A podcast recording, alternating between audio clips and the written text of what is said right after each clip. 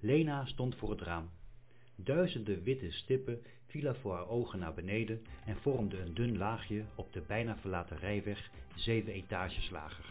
Sneeuw, dacht Helga, en het is pas begin december. Zou de goede Sint wel komen, nu hij het weer zo lelijk vindt?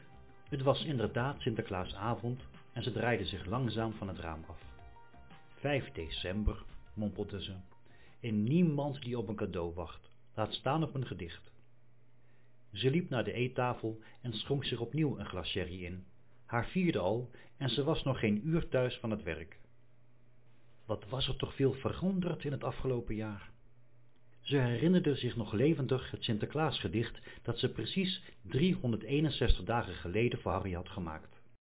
De Sint heeft lang zitten denken of hij jou überhaupt nog iets zou schenken, reciteerde ze hardop. Nu jij van een ander houdt, vindt de Sint jou reuze stout.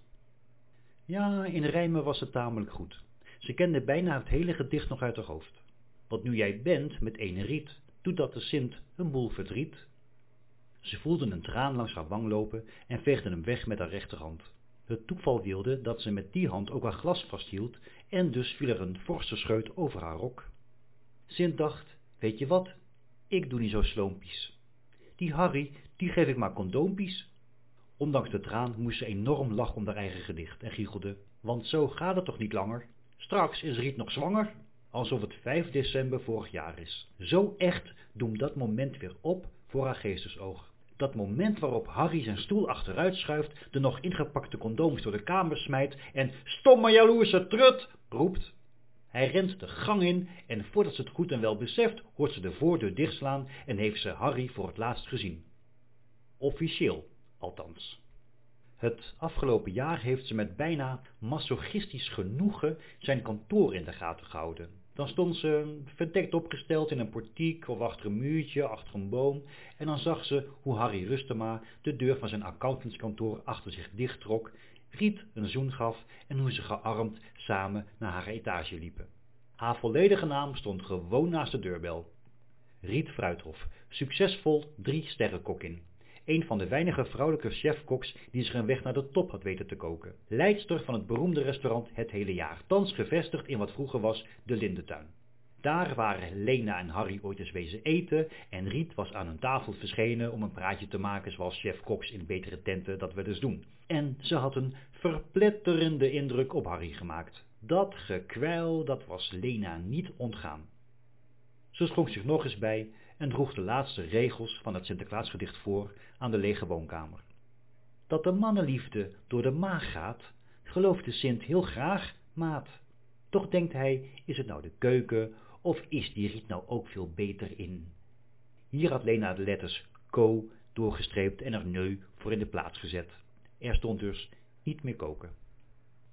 Buiten is de sneeuw dikker geworden. Grote, dikke vlokken vallen naar beneden. Lena kan ze vanaf haar stoel onder de lamp duidelijk zien. Haar zevende sherry staat op het tafeltje naast de vissenkom. Met enigszins troebele blik kijkt ze naar de klok en ziet dat het bij negenen is. Gooi wat in mijn sloentje, ze langzaam. Gooi wat in mijn laasje, dank je Sinterklaasje. Met een zwiep gooit ze het glas achterover en uit de keuken haalt ze een wortel propt deze vakkundig in haar schoen en zet hem bij de verwarming. Ze kleedt zich uit en gaat naar bed. Op 6 december wordt ze wakker om 9 uur. Onder haar schedel klotst een half met modder gevulde ballon van links naar rechts. Terwijl ze haar gebarste lippen probeert te bevochtigen met het bedorven stukje dat ooit haar tong was, dringt er een walgelijke stank haar neus binnen. Alsof er iemand een ranzig papje op haar bovenlip heeft gesmeerd. Een mengeling van ammoniak, kattenpis en Franse schimmelkaas. Ze hoest en ontdekt dat de aroma uit haar mond komt. Rechtop zitten is niet het aangenaamste en eist veel van haar evenwichtsorganen. In haar hoofd loeit een alarmbel met een dreunende regelmaat. Dring, stil, dring, stil, dring, stil, dring. Wop, murmelt ze. Hou op, bedoelt ze. Maar haar telefoon blijft hardnekkig gloeien. Oh jezus, telefoon.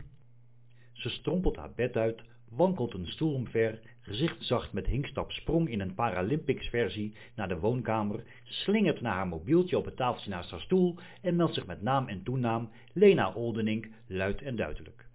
Met heer Holderink. Oh shit, die drank is nog steeds niet uit. Lena? Met Harry. Ik, ik had opeens zin om je te bellen. Oké, helderheid moet nu komen. Hier heeft ze een jaar op gewacht. Harry belt en zij reageert koel, sterk en afstandelijk. Dat er nog een cadeautje ligt te wachten, maar dat ze helaas voorlopig geen tijd heeft en dat hij het later nog maar eens een keer moet proberen en dat het hem verder maar goed mag gaan. Maar eerst even met het cadeautje beginnen. Oh, jij was van plan om de cadeautjes te halen? Nou, die liggen nog keurig op je te wachten, hoor. Zo, die had hij vast te pakken. Lena was de baas. Weliswaar lag ze op dit moment naast het telefoontafeltje, maar dat kon Harry niet zien. Lena? Lena? Harry was uiteraard verbijsterd, maar Lena was nog helemaal niet klaar. De onderkoelde toon die ze nu ging aanslaan, zou hem reduceren tot een scholier van amper 13 met 500 strafregels, ik mag niet weglopen. Het spijt me verschrikkelijk, Harry Darling. Dat Harry Darling vond ze zelf ook wel chic klinken. Maar ik heb momenteel belangrijke afspraak, dus ik ga hem nou ophangen en ik zou zeggen, don't call us, we call you ook not. Met een precies damesachtig gebaar legde ze de telefoon zorgvuldig op het tafeltje, dacht ze. Toen Lena rond half twaalf opnieuw wakker werd, lag ze nog steeds op de grond en haar telefoon in de vissenkom. Een dikke week later, zondag 14 december. Lena zat met haar benen behagelijk in haar luie stoel. Eigenlijk was het al maandag, want het was na twaalf en ze luisterde naar de radio.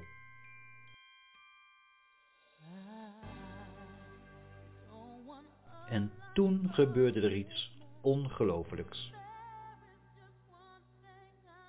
Maar hoe dat verder gaat, volgende week, deel 2 van Lena's Feest.